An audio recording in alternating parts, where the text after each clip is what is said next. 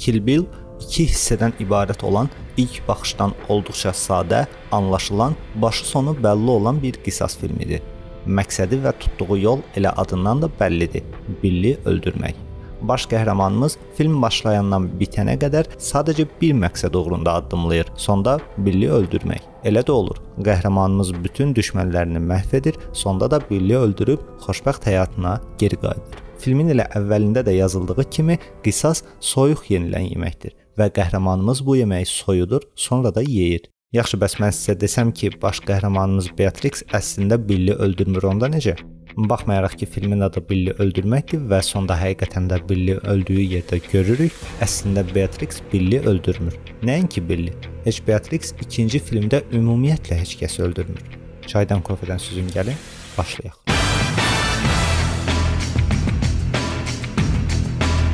Bu iki filmi və onların hekayəsini daha yaxşı qavraya bilmək üçün hadisələrə xronolojik ardıcıllıqla baxmaq lazımdır. Beatrix muzlu qatildir bir gün hamilə olduğunu öyrənir və bu xəbər onu olduqca dəyişir. O artıq vicdansız bir muzlu qatildən ürəyi yumşaq bir anaya çevrilir.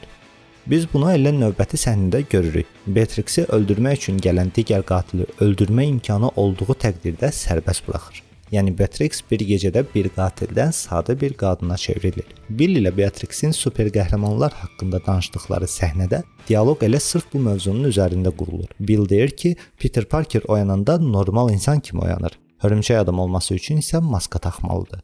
Bruce Wayne də həmçinin oyananda normal insan kimi oyanır. Batman ola bilməsi üçün maska taxmalıdır. Lakin Superman elə oyananda Superman kimi oyanır. Normal insan olmağı üçün isə Clark Kent-in maskasını taxır. Eynən Beatrix Kiddo kimi. O oyananda muzlu qatil kimi oyanır. Normal insan olmaq üçün isə maska taxmaq məcburiyyətindədir. Bəlkə də yox. Bəlkə də tam əksinə Beatrix normal insan kimi oyanır və sadəcə muzlu qatil olmaq üçün maska taxır. Ola bilməz? Normal insan olmaq istəyi onu çox baha başa gəlir və başından güllə yarası alır. 4 illik komadan oyandıqdan sonra isə görürük ki, artıq hamilə deyil və elə tam da bu anda o psixoloji olaraq zamanda geri qayıdır. Yəni yenidən killərə dönüşür. Qisas almaq üçün Yaponiyaya yola düşür və Oren Ishini öldürür. Biz bu səhnədə artıq Beatrixin içində yaranan mərhəmət hissini görə bilirik. Yumoristik səhnə kimi görünsə də, əslində Beatrixin uşağı öldürməyib sağ buraxmağı elə buna bir göndərmədir. Siyahıdakı ikinci ad Vernita Greendir. Beatrix görəndə ki, Vernita'nın qızı anasının öldüyünü görür, Beatrix ilk olaraq əlindəki bıçağı gizlətməyə çalışır. Əslində nə edəcəyini bilmir və bütün məsələ elə burdan başlayır. Gəlin hadisələri xronolojik ardıcıllıqla düzək. Deməli, əlimizdə 2 film var. Birinci hissə və ikinci hissə. Sırası ilə Beatrixin öldürdüyü adamları bu ardıcıllıqla düzürük. Oren, Vernita, Bud, Ellie və Bill. Lakin filmdə görürük ki, ölümlər bu ardıcıllıqla getmir. Çünki Tarantino əslində sujetin mərkəzində olan Vernita'nın ölüm səhnəsini götürüb və filmin ən başına qoyub. Çünki əslində Vernita Green Beatrixin öldürdüyü son insandır. Ondan sonra Beatrix heç kimi, Bill daxil olmaqla heç kimi öldürmür. Çünki bu səhnə əslində göründüyü qədər sadə bir səhnə deyil. Burada Beatrix bir övladın qarşısında onun anasını öldürür. O başa düşür ki, etdiyi şeylə o öz düşmənlərindən fərqlənmir və başa düşürük ki, o artıq muzlu qatildən insana çevrilir. Yəni maskasını çıxardır. Və sadəcə bu səhnədən sonra biz digər bütün hadisələri görə bilirik.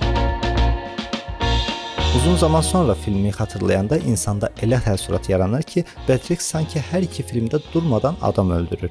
Lakin başda da dediyim kimi, diqqətlə baxsaq görərik ki, əslində Beatrix ikinci filmdə heç kəsi, amma heç kəsi öldürmür. Birinci filmdə 68 adamı qisas almaq üçün amansızca öldürən Beatrixin ikinci filmdə öldürdüyü adam sayı 0-dır. Elə bu belə Beatrixin əslində qatildən insana çevrildiyini sübutudur. Yaxşı, bəs necə olur ki, Beatrix ikinci filmdə heç bir nəfər də olsa öldürmür? Siyahdakı üçüncü olan bədi Beatrix yox, Ellie öldürür. Ellin isə Beatrix kör edir, gözünü çıxardır, lakin sağ buraxır. Onu diri-diri bastıran adamdan belə qisasını almır. Ən sonda gəlib Billin evinə çatır, içəri girir, silahını ona uzadır və Billy ilə qızını yan-yana görür. Balaca qızın başına qatmaq üçün Bill ilə Beatrix oyun oynayırlar və Beatrix yalandan Billi öldürürmüş kimi edir, Bill yalandan ölürmüş kimi yerə yıxılır. Yəni oyun oynayırlar. Bu səhnəni yadınızda saxlayın çünki birazdan yenə qayıdacağıq. Bill yalandan ölürmüş kimi yerə yıxılır. Daha sonra gecə söhbət etdikdən sonra aralarında münaqişə yaranır və Beatrix məşhur 5 nöqtə fəndini hansı ki 5 addım atdıqdan sonra insanı öldürür, Billə tətbiq edir və Bill 5 addım sonra ölür. Yaxşı, bəs bu nə fəndidir elə adamı 5 addım sonra öldürən? Biz bu fənd barədə keçmiş səhnələrdən birində eşidirik. Bu barədə bizə elə Bill özü danışır. O deyir ki, Heymey 1000 il əvvəl bütün düşmənlərini bu fənd ilə yox edib. Lakin bu fəndi o heç vaxt öz tələbələrinə öyrətməyib və öyrətməyəcək. Heymeyin öyrətdiyi bütün fəndlərin Beatrix tərəfindən istifadə olunduğunu film müddətincə görürük. Heymeyin ona bu fəndləri necə öyrətdiyini də görürük. Lakin 5 nöqtə fəndini necə öyrətdiyini heç vaxt görmürük. Çünki belə bir fəndin olmadığını, xüsusən də bu fəndin hekayəsinin, yəni 1000 il əvvəl Heymeyin bu fənd ilə bütün düşmənlərini öldürməsinin yalan olduğunu hər ikisi yaxşı bilir. Lap tutaq ki, bu hekayə düzdür. Tutaq ki, Heymeyin 1000-dən çox yaşı var və bu fəndi Beatrixə öyrədib. Onda Beatrixin bunu Billdən gizlətməsi heç bir məntiqə uyğun deyil. Çünki o zamanlar Beatrix ilə Bill bir-birini çox sevirdilər. Beatrixin etdiyi fənd isə başqa bir fənddir hansı ki Bill özü də bu fəndi çox yaxşı bilirdi. Bu fənddən sonra Bill Beatrix-dən soruşur ki, Heymey sənə 5 nöqtə fəndini öyrədib? Beatrix isə cavabında deyir ki, əlbəttə. Yox. Bayaqki səhnəni xatırladınız? Bill yalandan ölürmüş kimi davranırdı. Elə burada da eyni şey baş verir. Beatrix yalandan öldürür, Bill isə yalandan ölür. Bu səhnə simvolik olaraq Beatrixin Billi öldürmədən ondan öz qisasını almasını təmsil edir. Çünki onlar hələ də bir-birlərini sevirlər. Biri yalandan öldürürmüş kimi davranır, digəri isə yalandan ölürmüş kimi yerə yıxılır. Eynən başda gördüyümüz səhnə kimi. Bütün bunlar sadəcə bir teoriyadır deyə düşünə bilərsiniz. Lakin Tarantino bizə titrlarda ipucu verir. İlk gələn titrlarda bütün personajların adları yaşadıkları zamanki görüntüləri ilə göstərilir. Lakin Billi yerdə yatarkən görürük. Bunun kifayət etməyəcəyini düşünən Tarantino bu səfər də başqa stillə titrlər göstərməyə başlayır. Bu səfər Beatrix-i və onun ölüm siyasında olan personajları göstərirlər. Əvvəla Oranı canlandıran aktrisanın adı gəlir və üstündən xətt çəkilir çünki ölüb. Daha sonra Vernita gəlir, xətt çəkilir çünki ölüb. Sonra Bad xətt çəkilir çünki ölüb. Daha sonra Ellinin adı gəlir və böyük bir sual işarəsi, çünki ölüb ölmədiyini görmürük. Və nəhayət Billin adı gəlir və heç bir xətt çəkilmir, çünki sağdır. Eynən Beatrix kimi, Beatrixin də adı gəlir və xətt çəkilmir, çünki sağdır.